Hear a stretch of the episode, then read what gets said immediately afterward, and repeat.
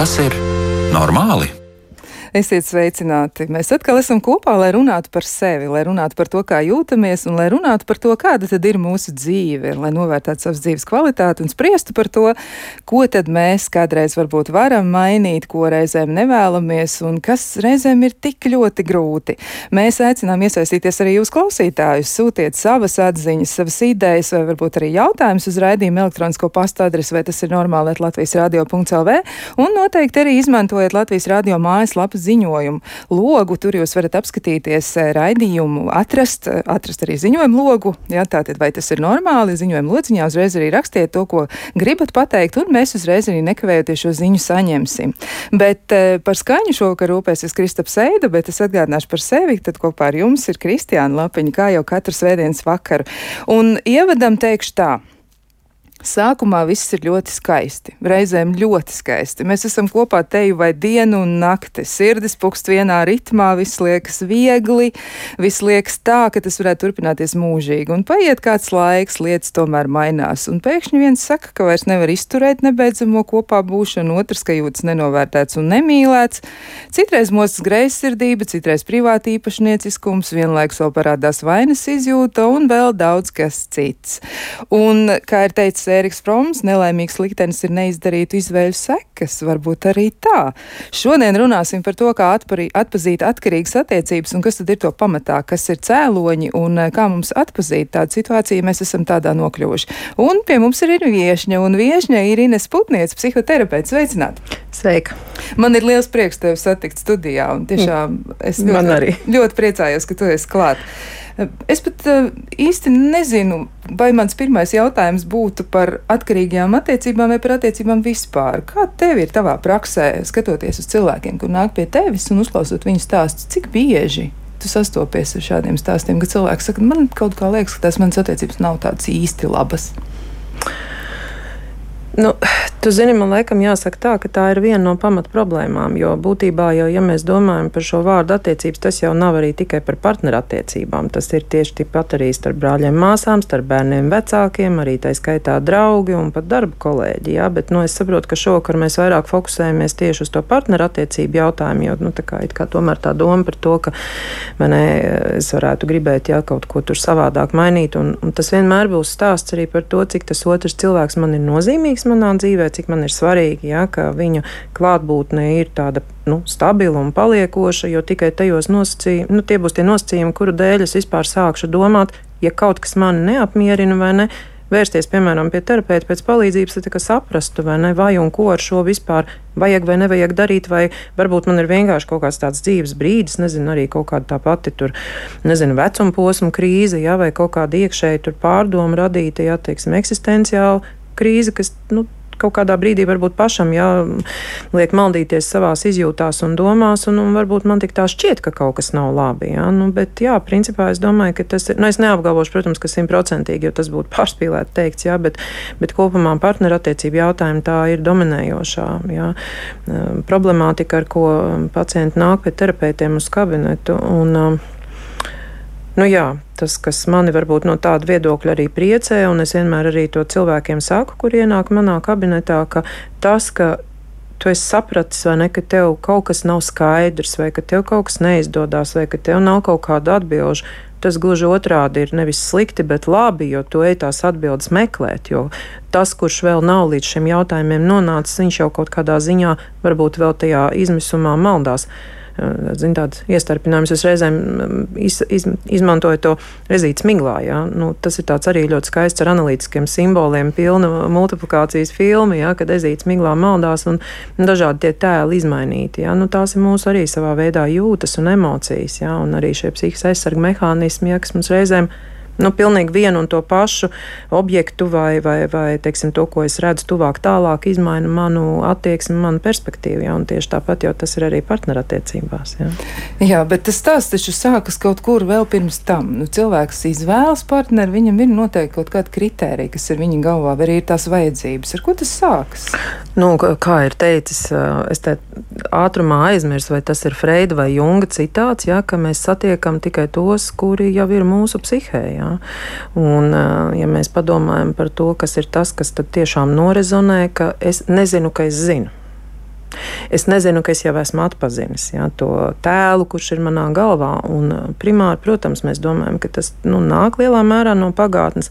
Reizēm tas arī ko kariķē, vai ne, ka visas problēmas ir no bērnības. Ja, nu, dažādos veidos ironizē, ja, ka tur koka klucīši ir bijuši vai vēl kaut kādi pāri darījumi. Ja, bet patiešām ļoti daudzas lietas mēs iemācāmies ar mūsu primārajiem aprūpas objektiem. Tie, kur ir, nu, ja tie ir mamma un tētis, tad, tad tie ir bioloģiskie vecāki. Nu, dažiem tas nav varbūt nebūtu uzreiz tik paveicies. Jā, ir dažādi veidi citi cilvēki, kur iesaistās aprūpē, kas jau kā kaut kādā veidā, ja neapzinātā veidā iedod šo te, nu, tādu zināmu neusticēšanos, nepaļaušanos uz cilvēkiem sajūtu. Jā, un tas kaut kādos momentos, protams, ja ar to nu, netiek nekas šī cilvēka dzīvē izdarīts, vai ne, nu, tas manī nu, tomēr iesakņojās ja, savā veidā šī sajūta, ka uz cilvēkiem īsti nevar, nevar paļauties. Ja, tas mani ietekmēs partnerattiecību jautājumos, ja, ka es savā veidā ļoti pastiprināti izjutīšu to, ka partneris no manis, piemēram, attālinās emocionāli. Ja.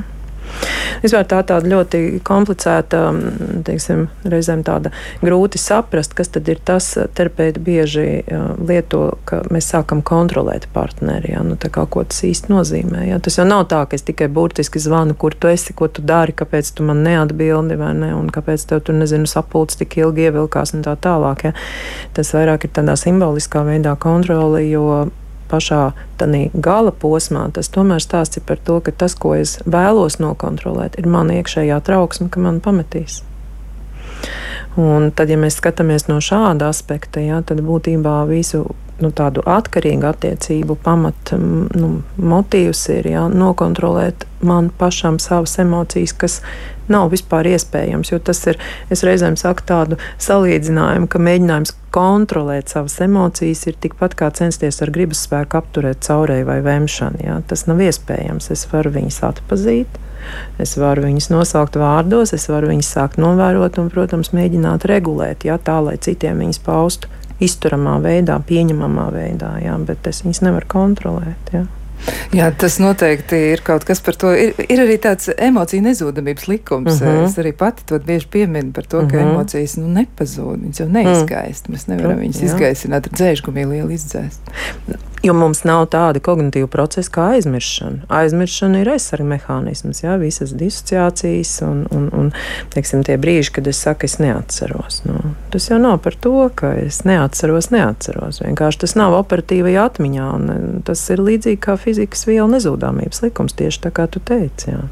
Bet tie sarkanie karogi, nu, viņi taču kaut kad parādās, jo cilvēki izveido vienas attiecības, mm. un varbūt viņi jūtās viņās nepārāk labi. Un tad, mm. nu, kaut kāda laimīga, laimīga apstākļa dēļ vai sagadīšanās pēc tās attiecības tomēr tiek pārtraukts. Viņi saka, ka viņi paši kaut ko ir iemācījušies un sapratuši, un tomēr tas tā nav. Jo viņi ļoti drīz izveido nākamās attiecības, un tās ir tieši tādas pašas. Pēc tā paša scenārijā.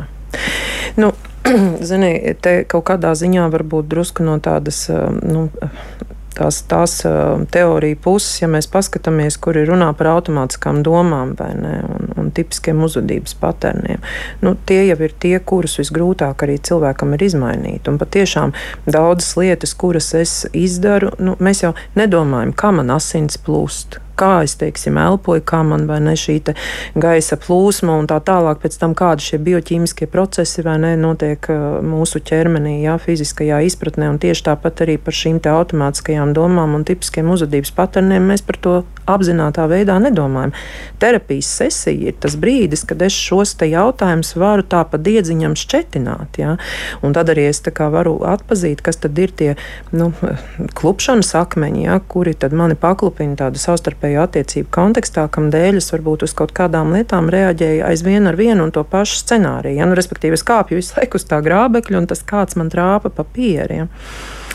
Um, kamēr es neizmainu sevī šo saprāšanu par to, ka es esmu arī atbildīgs ne tikai tas otrs, jo tas, kas ir diezgan tipiski, tas, ko tu sākumā raidījuma ieskaņā teici par to, ka vainas sajūta rodās, jā, bet ir arī man tā tendence, ka es ļoti vainoju otru, ka tas otrs ir tikai vainīgs.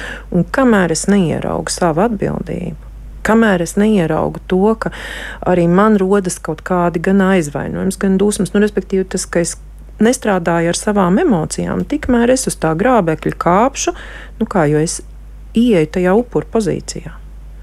Un patiešām tajā brīdī, kad es esmu tajā upuru pozīcijā, jā, ar tādu ļoti mazohistisku nu, pieeju attiecībām, jā, man ir visu laiku sajūta par to, ka pirmkārt man ir jāaizsargājās.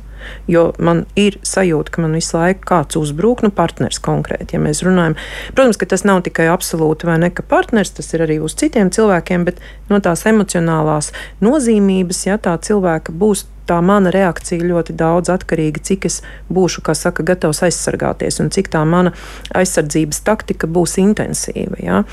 Un partnerattiecībās, protams, ka jā, tas kontakts ir ļoti tūs un ne, manas reakcijas būs daudzkārt tādas spēcīgākas, izteiktākas un man šķitīs, ka, ne, ka man uzbruk un mani vēro, man pārmet un tā tālāk. Ja? Jo man taču dara pāri, mani teiksim, pamet. Ja? Bet visas šīs lietas jau es tādā apzināta veidā nevaru nemaz piefiksēt. Tas, kad tas brīdis notiek terapijas procesā, kad pacients nonāk līdz šīm atziņām, kad viņš sāk redzēt to savu atbildības pusi, ja? ka es arī provocēju to situāciju. Neapzināti, bet tik vai tā es to daru. Ja? Jo šī upura pozīcija ir, ka es tomēr nosaku, kā rīkosies gan uzbrucējs, gan glābējs. Ja? Jo tieši upuris ir tas, kurš, kā saka, diriģē parādu parādi un nosaka vispār, kā pārējie jā, spēles dalībnieki tajā brīdī trīsstūrī rīkosies. Jā tas ir diezgan sāpīgs moments. Jā, tāpēc jau sastapšanās ar sevi ir ļoti sāpīgs moments terapijā ikvienam, un tādēļ arī tas ir ļoti intīmi. Un kāpēc arī teiksim, jā, pacientam terapijas sākumā vienmēr tiek teikts, ka viņš drīkst izvēlēties, vai un kam un cik un kurā brīdī vispār viņš atklāja vai neatklāja jā, par to, ka viņš apmeklē terapiju.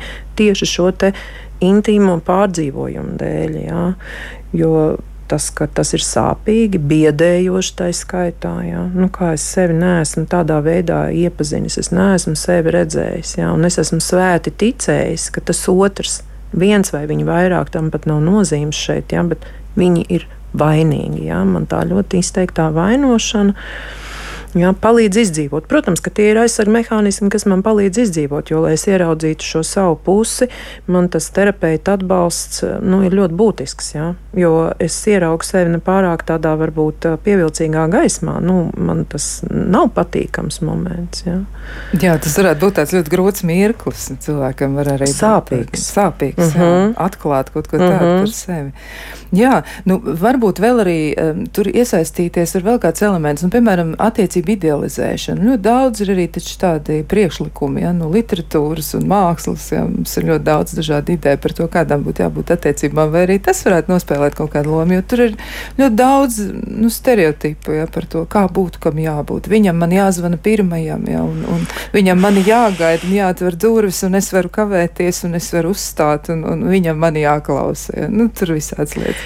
Nu, tu zini, kā nu, idealizācija jau arī mums piedara pie, pie tā mūsu psihiskās aizsardzības mehānismu kategorijas, kas arī palīdz kaut kādā veidā nu, savukārt neredzēt, ka varbūt es esmu ļoti pieprasošs, ļoti kategorisks, uzstājīgs egoistisks, egocentrisks. Ja?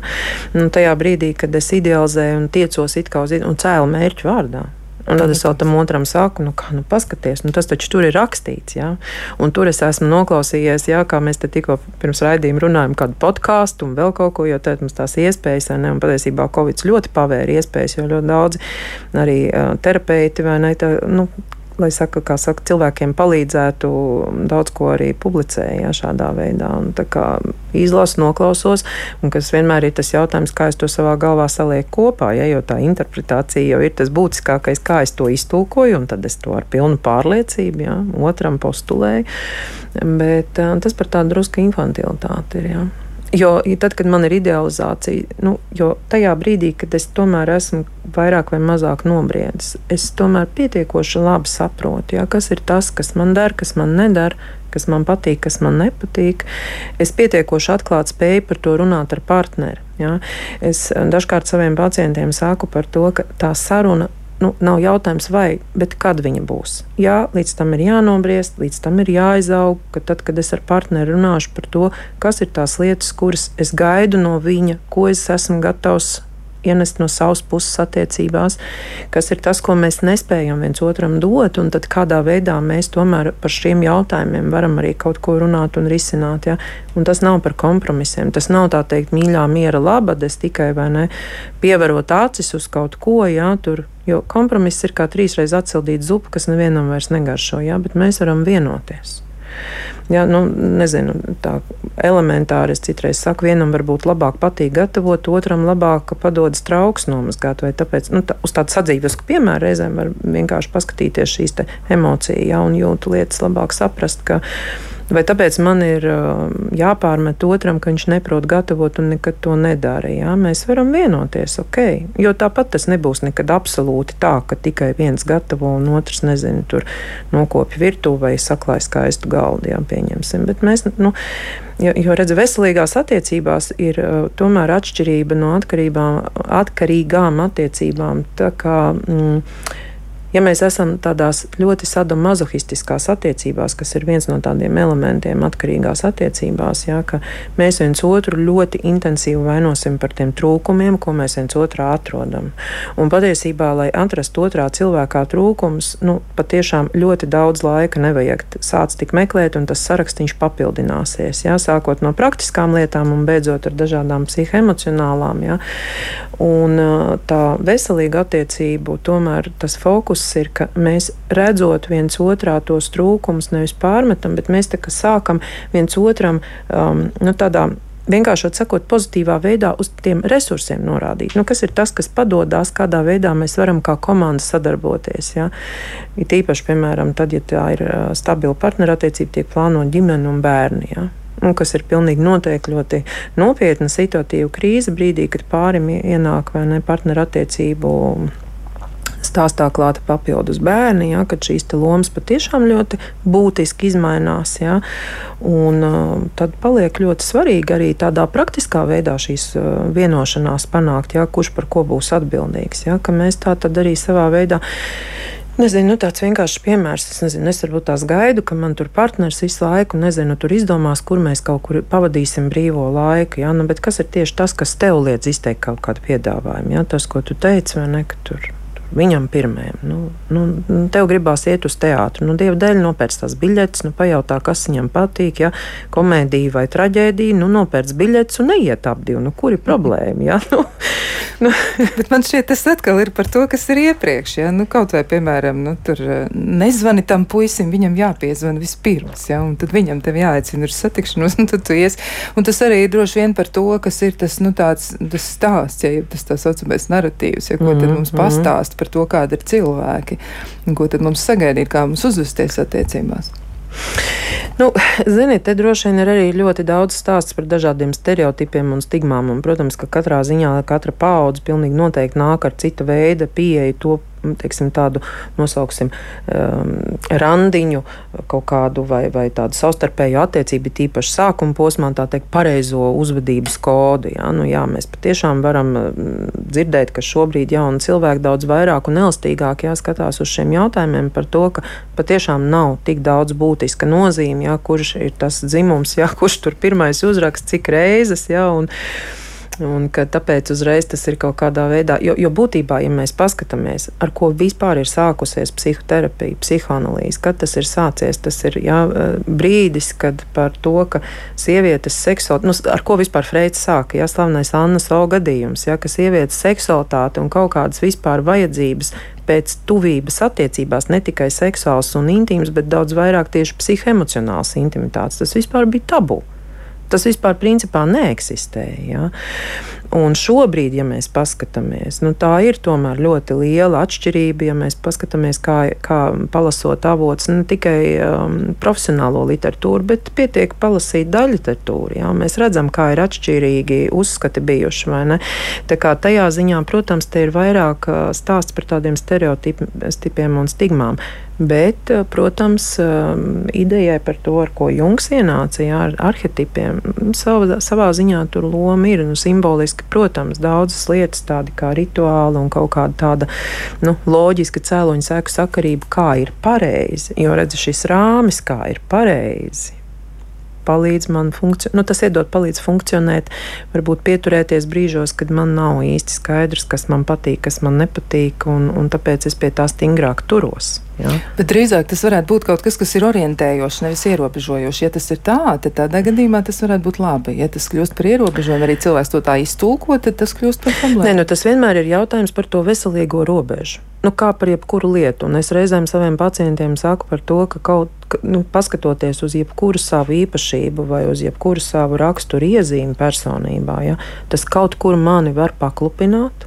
Nu, piemēram, nezinu, punktualitāte un pedantiskums. Nu, paņem jebkuru darbu, principā tā ir ļoti laba kvalitāte un īpašība. Ja darbinieks ir nalga kādā līmenī, vai viņš ir speciālists vai vadītājs, kas var būt labāks, ka cilvēks ļoti punktuāli apzinās ne, un izpild savus darba pienākumus kaut kā tuvākās attiecībās nonākot, tas var kā bumerangs nākt pašam atpakaļ. Jo es gluži vienkārši kļūstu, kā mēs sakām, kontrolfrīks un nu, kaitinošs, tā, tāda uzmācīga muša. Ja? Un katra īpašība, nu, protams, es drusku varbūt novienkāršoju. Ja? Tas, tas, teiksim, ja mēs domājam par cilvēku tādu psihisku un personības funkcionēšanu, viņi, protams, ir komplicētāk. Ja? Bet kopumā, ja mēs tā paskatāmies uz šiem jautājumiem, tad tas ir par to veselīgo robežu ja? un par jebkuru ka arī atkarībai ir jābūt. Nu, nevar tā būt, ka man pilnīgi nu, nevienā veidā neinteresē, neaizskar, nesaista un nenodarbina jautājums par to, vai un kas notiek ar manu partneri. Jo tad patiešām ir ļoti nopietnas pamats domāt, ka, nu, kas ir tas iemesls, kāpēc tu esi kopā ar šo cilvēku nu, tieši kāda iemesla pēc, tu paliec šajās attiecībās. Ja? Bet uh, arī, protams, tur būs otra galējība, ja tās attiecības ir ļoti negatīvi lādētas, intensīvas, nu, piemēram, vardarbīgas ja? vai ar atkarīgu personu attiecības. Ja? Nu, lietojošs cilvēks, ja viennozīmīgi, tas attiecības būs ļoti destruktīvas, ja? bet tā atkarība citā veidā, ja teiksim, līdzatkarība nav diagnoze, tas ir process, ja, bet uh, tur izpaudīsies tas moments par to, ka jā, arī, nu, kāpēc tu paliec šajās attiecībās? Nu, tu sūdzies, tu su, turpini teikt, ka tev nav labi, un neviens jau arī neapšauba. Jo cilvēku subjektīvās izjūtas, ja, nu, tas nav pareizs, nepareizs. Viņas ir tādas, kādas ir. Ja. Un kas ir tas iemesls, kas tev tomēr notur šajās attiecībās? Un tad mēs meklējam to sekundāro labumu. Ja. Sekundāro labumu, kas reizēm ir patiešām arī ļoti nu, tāds neloģisks ja. nu, un absurds ar, ar, ar prātu domājot. Ja. Jā, nu, klausītāji arī varbūt viņiem ir nu, tādas, tādas savas pieredzes daļas noteikti, uz, kā, uz kurām viņi var atsaukties, bet uh, viņi aicina mūs precizēt. Nu, tā, viņi arī saka, ļoti svarīgs temats, ko šobrīd esat aizskāruši, un vai varat iezīmēt, vai varbūt arī mēs varam tiešām precīzāk mēģināt nodefinēt, nu, kas tieši liecina, ka atkarības starp partneriem ir tās atkarīgās attiecības. Kas varētu būt tie, nu, tie karogi, tie sarkanie karogi? Tie sarkanie karogi, nu, pilnīgi noteikti te būtu jādomā par to, to, ka tad, kad ir um, tas saucamais rozā brīļa periods, kad ir tas attiecības sākums, vai ne, kad mēs runājām, tomēr mēs objektīvā veidā saprotam no tāda tiešām speciālista viedokļa, ka tā ir reāla psihoze. Tātad mm. kontakts ar realitāti patiešām ir visai nosacīts.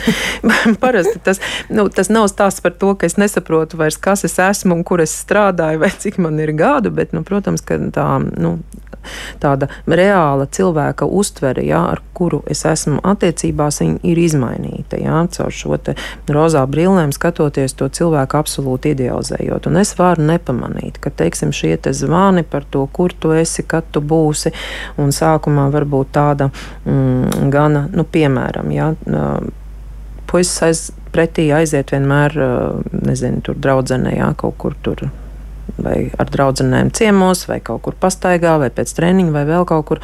Un attiecību sākuma posmā ir īpaši, kad nav šīs pieredzes par to, kā tas ir. Nu, teiksim, pusauģu gados, kad mēs visi vai ne mācāmies šo attiecību pieredzi un mēģinam saprast, ja, kā es attiecībās jūtos. Mm, ka nu, pat var izjust kā tādu ļoti labu, pozitīvu momentu, vai ne? Ka ir taču forši un īpaši, ja vakarā vēls un tumšs, un arī tajā nav nekā slikta, ja tas ir tomēr kaut kādā ziņā nu, vienkāršot runājot, tā kā sarunāts, jā, nu, ka mēs tad vienojamies, ok, un abi divi savā starpā, un ka tu nezini, tur sports vai kādas, tur nezinu, koris dejas vai vienalga kas, un otrs to ar to nenodarbojās. Tad, Man teiksim, puisis tiešām atnāk un pavada pretī, bet ja tas ir tā, ka aizvien, aizvien katru reizi tādi kā negaidīti pārsteigumi, ja, ka ir tur un tur priekšā, nu, mēs sakam, stalko kaut kādā ziņā. Ja. Un uh, dažkārt tas ir tajā brīdī, ja šādas attiecības ir beigušās, tās talkošana arī patiešām parādās ļoti uzskatāmā veidā, un cilvēki pat uh, jā, nobloķē to bijušo partneri pat sociālos tīklos un telefonu un tā tālāk, ja, jo tas patiešām jau par tādu vajāšanu var pārvērsties, ja šī apsēstība. Ārkārtīgi daudz dažādu veidu pārmetumu, ja teiksim, attiecību sākuma posmā var uh, parādīties, ko ļoti bieži, uh, nu, man jāsaka, šajā gadījumā laikam daudz vairāk tas ir tāds uh, sieviešu, ja, ka mm, pusē esošs tāds fen, nu, fenomens, ne, bet uh, uzvedības patērns nu, noliedz to realitāti, ja, ka mm, tādi ārkārtīgi uh, pārmetumi pilnīgi nevietā, ja, ka tu tur ne tā paskatījies, vai tas uz tevi, vai vēl in, nu, izteiktāk ir tad sarkanais karoks, ja tas pārmetums ir pat nevis tikai par to pašu nu, draugu vai partneri, ja, bet ka kāds cits vēl uz viņu. Kā, jo tas ir absolūtā veidā absurda prasība, lai tā partnere nu, gandrīz nokontrolētu vai nodrošinātu, ka vēl kāda trešā persona kaut kādā konkrētā veidā uzvedas ja, un rīkojās. Ja. Nu, kas ir tieši tik bērnišķīgi un infantīli un kaprīzi, ja, nu tā, ja mēs tādos terminos runājam, tad ja, tas ir prasīt neiespējami. Tas ir tāpat kā gribēt, lai tev kā kāds mēnesis no debesīm nones. Jā. Apmēram, jā, nu, nē, nu prasīt jau tu vari bet tev ir jāsaprot, ka tas ir um, ne, nereāli. Un tad, ja tas cilvēks to neredz, un tad, teiksim, ja tas partneris saka uz to, bet kā gan es to varu, un tad sākas šī ping-pong spēlēšana, ja, kad viens otru sāk vainot un pārmest, un tās attiecības aiziet tādā ļoti ātri sadam mazohistiskā plāksnē. Bet man jāsaka, ka ar šīm lietām ir ļoti interesanti, jo sadisms un mazohisms ir viens monētas divas puses, un, un savā veidā nu, tas partneris mēģinot izvairīties no šīs patoloģijas, patoloģiskās greizsirdības tiešām neapzinātā veidā var sākt provocēt, respektīvi kaut kādā ziņā izaicinot šīs situācijas, ja, jo nu, tās ir dusmas, kas to liek darīt. Ja. Es jūtos bezpalīdzīgs, dusmīgs, izmisis, ja, jo es jūtos sasaistīts savā nu, tādā spontānā, autentiskā rīcībā. Ja. Protams, mēs runājam pie nosacījuma, ja tur patiešām ir nu, tādā ziņā nu, brīvas, godīgas attiecības, ja, un ka tur nav pamata. Ja. Cita lieta, ja tur tiešām ir pamats, tad tas būs drusku cita bet mēs šodien par to nerunājam. Ja? Un tad, tad šīs provokācijas var būt kā tāda, tiešām kā tāda protesta forma un sacelšanās. Ja? Bet, uh, Vēl pirms tas ir aizgājis jau pat tik negatīvi, ja teiksim, uh, scenāriju, ka um, nedzird tas greizsirdīgais partneris šos argumentus. Jā. Un tad bieži vien arī pievienojas arī tādas atkarības, nu, ka cilvēks tiešām viņš vai nu ļoti stipri sadzerās alkoholu un, un varbūt arī kādas citas vielas, un tad mēģiniet skaidroties vai ar to savu partneri vai ar to iespējamo konkurentu, jā, un ka tas pārvēršas kaut kādā tādā pilnīgi um, pārspīlētā ārējās uzvedībās ļoti pārspīlētā situācijas risinājumā. Jā. Arī tas būs tas moments, kas parādīs, ja ka tas ir sarkanais, sarkanais karodziņš vai, vai, vai sarkanā līnija. Jā. Jo, nu, protams, kaut kādos 16 vai 18 gados tas var izskatīties eh, bezmaz aizraujoši. Rekā ir vai ne mans puisis, un šitā te viņš kaujās par mani tur jau apmēram. Ja, tāds. Bet, nu, protams, pieaugot, mēs saprotam, ka tas, nu, tas tā nebūs veselīga reakcija, jo tā ir absolūti pārreaģēšana. Jā, jo, nu, jāspēj situācijas ir tomēr konstruktīvi risināt. Jā. Jā, nu, mēs esam tikai sākušas. Ja? Mums Jā. vēl ir vesels lērums lietu, ko minēt par šo, jo tiešām atkarīgajās attiecībās tie sarkanie karogi ir diezgan daudz, bet par visiem pārējiem mēs spriedīsim pēc īsa brīža.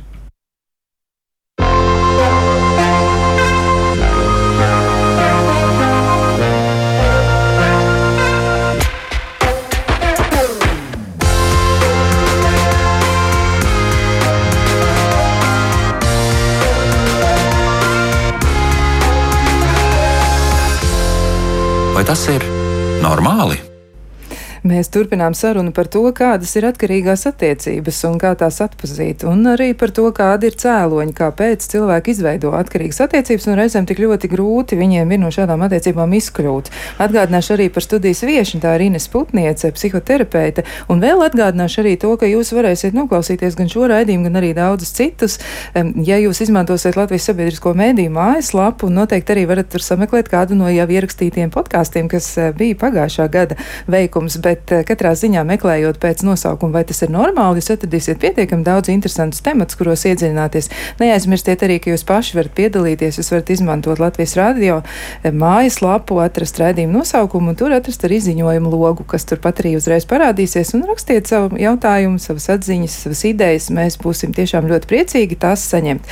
Bet turpinot par atkarīgajām attiecībām, nu tā tad tur jau ir dažas pazīmes, ko mēs minējām, kas vēl?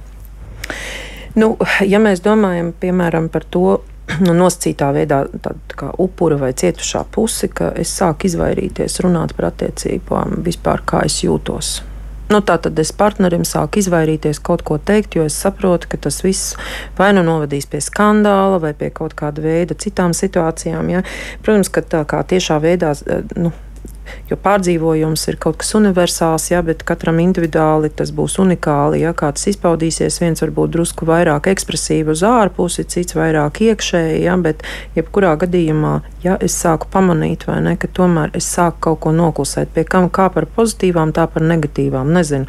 Bijām tur ar draudzenēm aizgājušas pasēdēt, ja kaut kādā, nezinu, restorāniņā un ļoti labi pavadījām laiku, un es sāku izvairīties, piemēram, savam partnerim par to stāstīt, jo vai nu tie ir pārmetumi, kāda tu tā bez manis un kāpēc tu tur varēji priecāties un tā tālāk, nu pat līdz tādam ļoti mm, bērnišķīgam līmenim, jā, bet arī uh, drusku tā ar tādu greizsirdības pieskaņu, nu jā, jā, jūs jau tur bijāt un gan jau tur bija kaut kādi vīrieši vai puiši un kas tur pievērs uzmanību un tāpēc, nu un tā tālāk, ja tur nezinu, tik vēl atbrauc mājās vai nu kaut kas tam līdzīgs. Ja, nu vienmēr sakot, ka tas, ja man sāk um, parādīties, nu vienkāršiem vārdiem runājot bailes kaut kādā veidā, nu pat ar priecīgām emocijām, emocijām dalīties, nemaz nedomājot par to, ka es varētu pateikt, kas man neapmierina mūsu partneru attiecībās. Ja?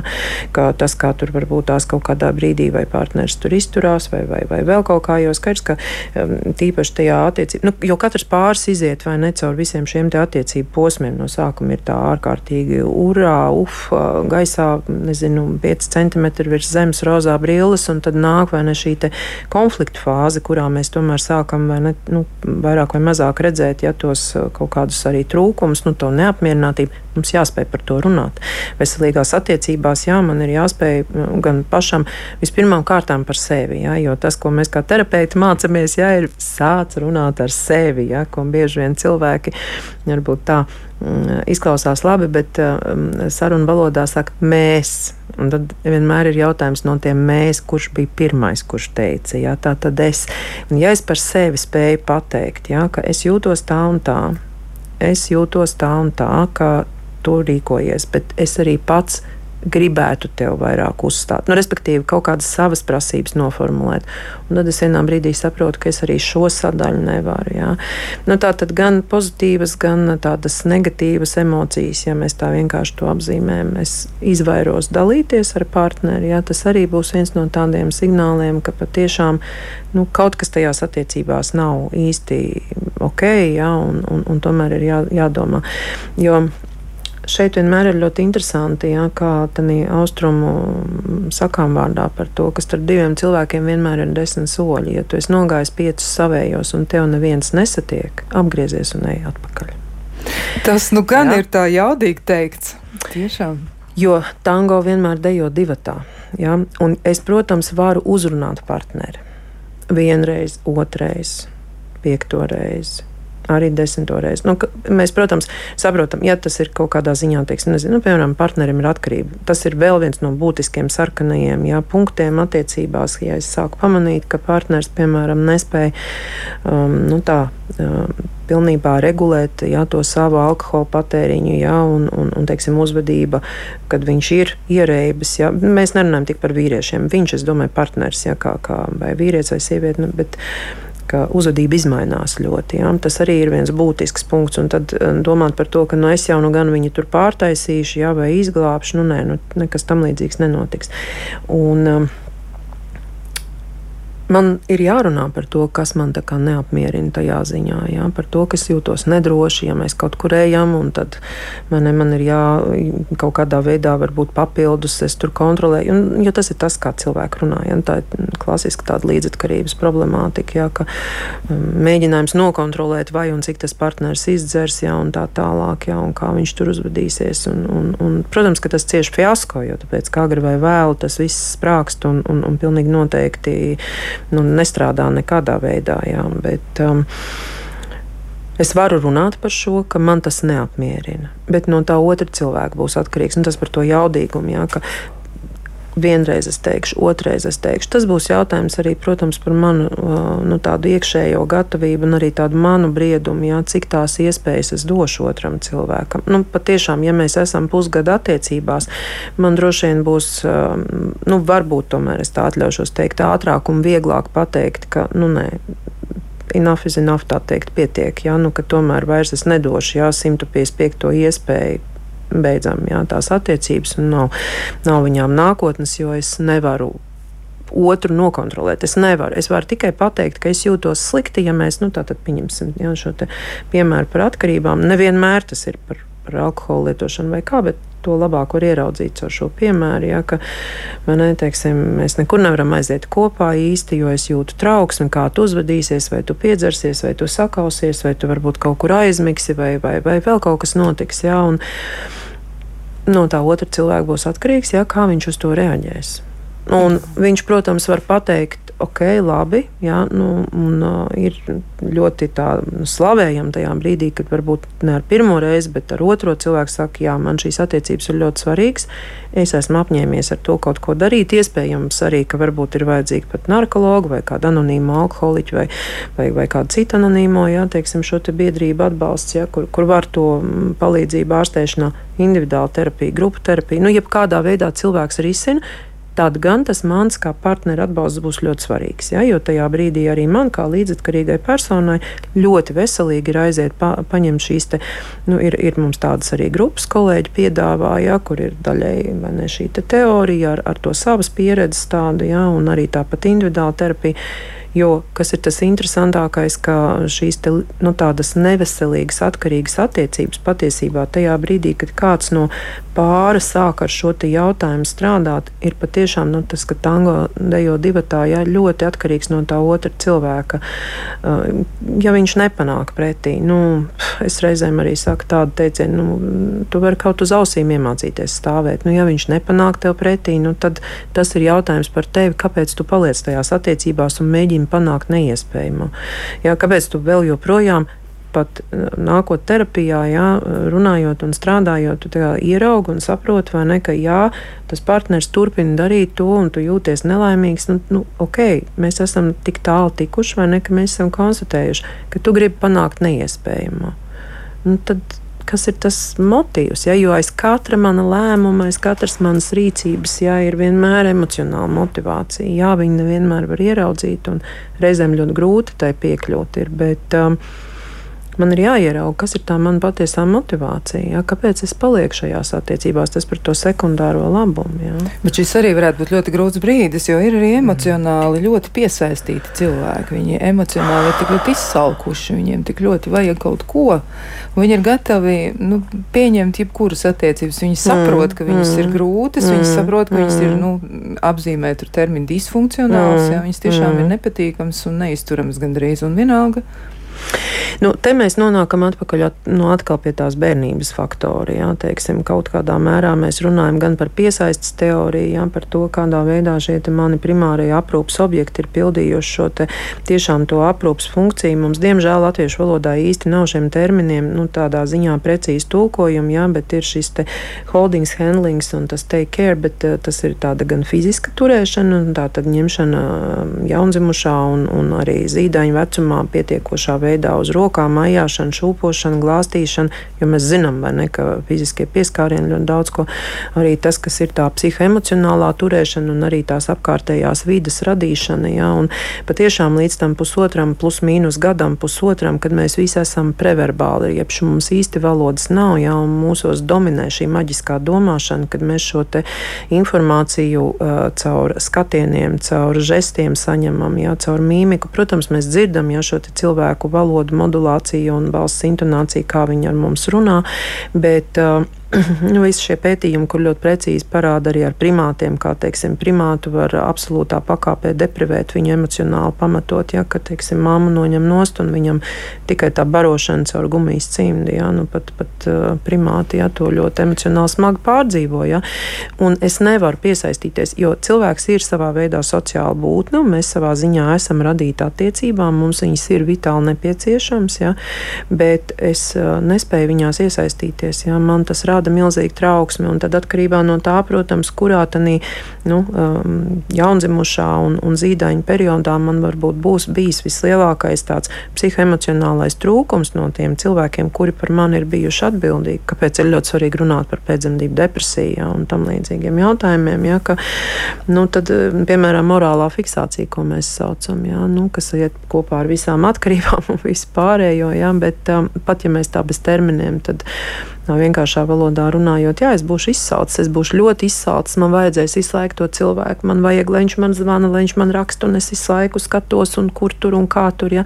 Un tas manī rada milzīgu trauksmi. Ja? Un, un, un atkal mēs nonākam pie tā, ko es teicu pašā sākumā, ja? ka tajā, kā saka, dienas beigās jau tas, ko es vēlos kaut kādā absurdā veidā nokontrolēt, ir mana paša trauksme, ja? kas man tur iekšā nu, kūsā kā tāds vulkāns, ja? kurš draud izvirst tajā brīdī, kad man nav un 5 sekundžu laikā atbildējis ja, mans partneris. Ja.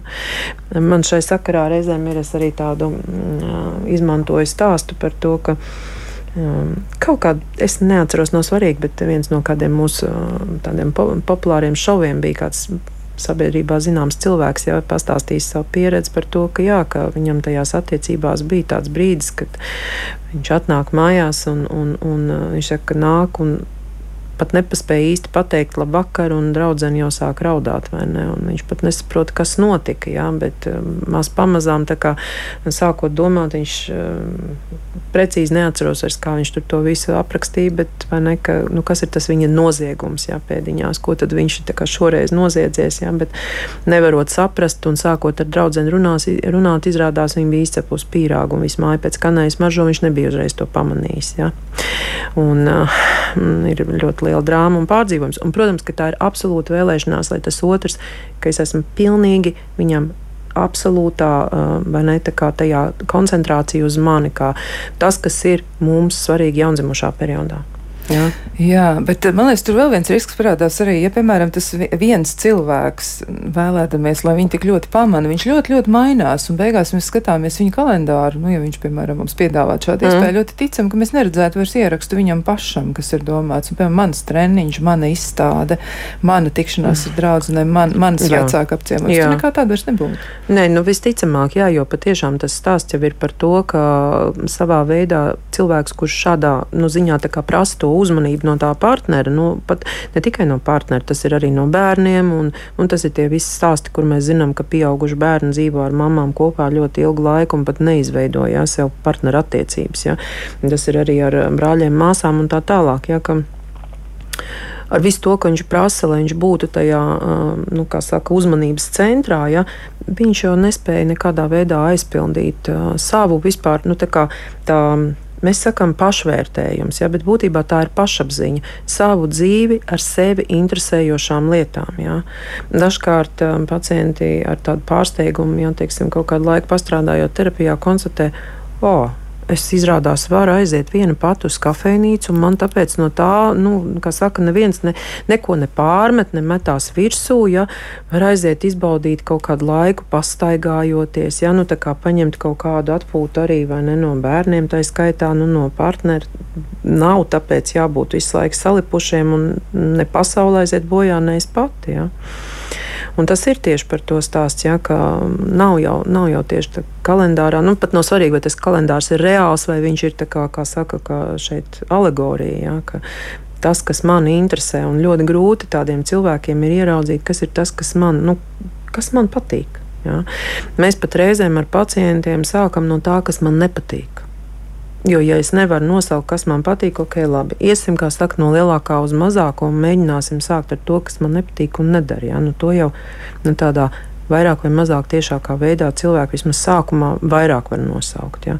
Nu, un tad pas, maz pamazām, ja tā, tāda sīpo vai kāpostu galviņa, ja mēs tur lupinam un kamēr tiekam līdz tam viducim, ja, kas tad ir tas, kas man patiešām patīk un interesē un izrādās ir parādās kaut kādi, ja sen aizmirsti hobiji un tā kā konstatē cilvēks, ka patiesībā viņš ir bil, nu, kā Reizēm pat tas formulējums tāds bija pilnīgi citādāks. Ja? Nu, ne jau tā, ka citādāks, vienkārši laikam ejot un tik ļoti fokusējoties jau uz to vajadzību, ka tas otrs nu, ir nu, tik ļoti, ja tas ter, termins, ne, bet uh, formulējums, ka es bez tevis nevaru dzīvot. Jā, jā, jā, jā tas ir ļoti jā, tieši. Jā. jā. Nu, tas ir klasisks teikums. Jā. Nu, kā tas ir, es nevaru dzīvot, nu, vai tu nevari pāelpot, nu, vai tev nav asins pārstāja riņķot. Nu, nē. Un, manuprāt, ir ļoti svarīgi saprast, ka veselīgās attiecībās drīzāk varētu būt teikums, es varu, bet es negribu. Ja? Nu, ka es apzināti pieņemu, es varu, bet es negribu. Jo, ko tas nozīmē? Es nevaru. Nu, tā ir arī tāds, ļoti tāda infantīva pozīcija. Ja? Un es uzlieku otram tādu absolūtu slogu. Es jau pat par bērniem nerunāju. Tas tāds, teiksim, klasisks arī terapeitu ne, kabinetos stāsts par to, ka nu, pat pieaudzis bērns, mēs jau nerunājam par jā, teiksim, maziem bērniem, bet pieaudzis cilvēks ne ar šo apziņu ir izaudzis un dzīvo, ka tas vecāks dzīvo un es bez tevis nevaru dzīvot. Ja? Ļoti smaga nasta un patiesībā ārkārtīgi agresīva pozīcija. Un kas ir tas būtiskākais, kur mēs nonākam? Vēl vien viena tāda, kā ne par tām jūtām, ja es nerunāju, ka es par savu agresiju nerunāju. Ka manī arī rodās ļoti liela vēlme caur šo kontroli, man dusmas un aizvainojums, un manī ļoti pieauga agresija. Ja, ka, kur man to likt, kā man ar to vai ne sadzīvot. Un, ja es arī par šīm lietām nevaru ar savu partneri ja, parunāt, bet uh, tas būs jau izaicinājums otram arī, vai viņš spēj man agresiju izturēt. Ja, teiksim, tas arī ir viens no tādiem psihoterapijas kabinetu vai ne, tematiem, es un manas attiecības ar manu agresīvo daļu. Ja, jo tāda ir visos. Viņi ir vitāli nepieciešami. Protams. Tas nav uzvedība agresīva, bet, bet jā, šis agresīvais impulss. Un cik es viņu pazīstu? Jā, cik es ar viņu draudzējos, tā teikt, un, un vai es spēju ar partneri par to runāt vai nē. Mm -hmm. Jā, cik, cik jēgpilni spēj to izmantot, tad jā, to saprot, jā, jā, lai nenodara pāri, bet vienlaikus, lai spēju kaut vai pastāvēt par savām robežām. Protams, protams, un vai es šo te, vai ne savu to agresīvo impulsu spēju sublimēt un patiešām, nu, kaut vai par tām savām robežām, jā, ka es pasaku partnerim, ka, ja man ir, pieņemsim, bērni divi un četrus gadus veci, ka es tagad paņemšu brīdi, kad es aiziešu viena pati uz parku vai skriet vai pastaigāties vai uz kīnā vai kaut vai ap stūru uz kafejnīcu, jā, padzert kafiju vai kaut vai to pašu glāzi vīnu, un es vienkārši partneriem pasaku, jo citādi es vairs nevaru izturēt. Es saprotu, ka es um, palieku nervozu un, un, un sabļauju saviem bērniem, piemēram. Jā. Un tas ir par agresiju runāt, jā, un tas nav tā kā pārmetums, pieprasoša pozīcija, jā, bet es uh, pieaugušā veidā varu, un partneris saka, jā, ok, es sapratu, un es pārņemu stafeti. Jā. Jo attiecībās vienmēr vienam ir jāuzņemas pieaugušā pozīcija. Jā. Bet tas nevienmēr ir, nu, obligāti nē, ka tas nav viens. Jā, bet viens no mums uzņemās jau šo pieaugušo pozīciju. Jā. Tādās nobriedušās attiecībās parasti cilvēki ir spējīgi vienoties par to, ka, ja kaut kas jā. ir, ja ir kāda krīze, tad tu jā. zini, ja, ka tad, ja es nevelku, tad tu ņem, ņem jā, jā, tu pārņem to stafeti. Jā, jā, jā, jā. Un atkarīgās attiecībās tieši pretēji. Es tūlīt sāku vainot, un mēs viens otru, un, un kā jau es arī teicu tev pirms tam, vai ne, ka to pingpongu mēs varam spēlēt, jā, tur ļoti ilgi viens otru vainojot. Jā. A, tu tā, tu šitā, kāpēc to, kāpēc šito nē, jā, un, un tas nekur neved. Absolūti. Nu, vēl ir arī tāda doma par to, ka paslīd kāja arī uh, attiecībā uz tādiem spilgtiem cilvēkiem. Vai varētu tā būt, ka tāds narcistisks un ļoti egocentrisks cilvēks, kurš ir ļoti košs savā ziņā, viņš varētu būt tāds liels vilinājums, un tur ir risks, ka varētu izveidoties atkarīgas attiecības. Jo viņš ir ļoti spilgts līdz kādam brīdim, un tad jau viņš atkal sāk to savu partneri atgrūst. Nu, tu zini, kā es domāju tā, ka šeit atkal ir jāsaprot, jo katra arī narcistiska daļa vai ne veselīgās proporcijās viņai savā veidā pat ir jābūt vai ne katrā cilvēkā. Jautājums ir droši vien par to, ja mēs ar tevi šeit runājam par tiešām jau tādu, nu, kas ir tāda traucējuma līmenī, jā, par patoloģisku, kā, teiksim, narcistisku personību, kura patiešām izmanto citus cilvēkus, jā, emocionāli ārkārtīgi spēcīgi devalvējot otru un dažādos veidos manipulējot ar tuvumu tālumu, jā, lai tomēr savu tādu iekšējo, jā, to self-esteem, to pašapziņu, jā, stimulētu un kaut kādā veidā paaugstinātu, jā, mākslīgā veidā. Bet, protams, ka tas lielākais trūkums, kas šādam cilvēkam ir, viņam ir tās patiesās bailes, ka kāds ieraudzīs viņa to iekšējo nedrošību un ne, to trauslumu, kāds, kāds patiesībā slēpjas. Ja vien mēs nerunājam par sociopātiem, jā, teiksim, par tādiem, kas ir agresīvi, narcisi, kas ir atkal drusku cita pozīcija, kur patiešām mērķiecīgā veidā izmanto otru, bet tādi, kas ir jā, šeit jūtīgie un tādi varbūt uz robežas ar to agresīvo, jā, nu viņš ir tieši tāds, ka viņi ir ļoti grūti, jā, bet ne, neies neiespējami. Ne, neiespējami. Jo, ja tas cilvēks iet terapijā un arī reizēm palīdz pāri terapijai, tad uh, nu, tā harizma viņu jau var atkal, nu, tāpat kā jebkuru citu lietu, jā, ja to var sublimēt un pozitīvā veidā izmantot. Tas noteikti daudz ko var. Varbūt tam partnerim, teiksim, šajā ziņā tās daļas ir mazāk, ja mēs varam atkal sadarboties. Ja, nezinu, tur varbūt es esmu ar lielāku aktivitāti un, un kaut kādām ambīcijām, tādā nu, jau atkal, ja, kaut kādā ziņā domājot, to partneri var pavilkt līdzi. Ja. Tātad tomēr var, var izveidot attiecības arī ar šādu cilvēku, bet Protams. tiešām jautājums par to, cik mēs esam spējīgi būt ar sevi. Protams. Protams, jo satikšanās ar sevi tas ir vislielākais izaicinājums ikviena cilvēka dzīvē. Jā. Tāpēc jau terapeitiem ir jāiet pirms vispār mēs sākam strādāt jā, ar, ar cilvēkiem pašterapijā, lai cilvēks ar sevi satiktos un patiešām, lai kaut kādā ziņā nu, nebūtu nekādu pārsteigumu. Jā. Jo netik daudz par to, ka varbūt tie stāsti, ko cilvēki atnāk, viņi jau tur vienam tas moments, otram cits moments, jā, viņš jau sasaucās terapeita dzīvi, jau terapeits jau ir tikai cilvēks, jā, bet kā terapeits ir sastapies ar sevi, viņš, nu, viņam vismaz ir jābūt sastapušamies ar sevi. Jā. Jā, Tiešām, nu, man liekas, ļoti, ļoti interesants un saistošs temats. Es domāju, mēs atgriezīsimies vēl kādā sarunā un pētīsim gan atkarīgo attiecību nianses, gan arī daudz citas lietas. Un es eh, šai mirklī teikšu paldies Inesai Putniecei, psihoterapeitei. Un vēl arī mm, piebildīšu pašā sarunas noslēgumā, man arī uzrunāja ļoti viena Ērika Froma doma, ka mūsu galvenā morālā problēma ir vienaldzība pašiem pret sevi. Varbūt, ka jāpārstāj būt tādiem un jāmēģina ieraudzīt sevi, jāmēģina sevi sākt vairāk mīlēt un tiešām tādā labdabīgā veidā varbūt sevi jāuzrunā.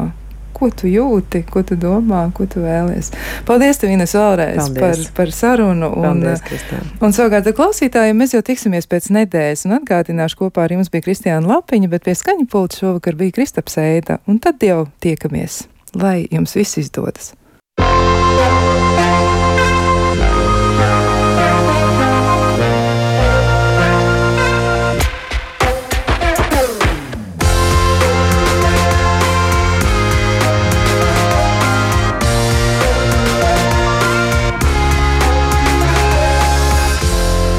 Vai tas ir normāli?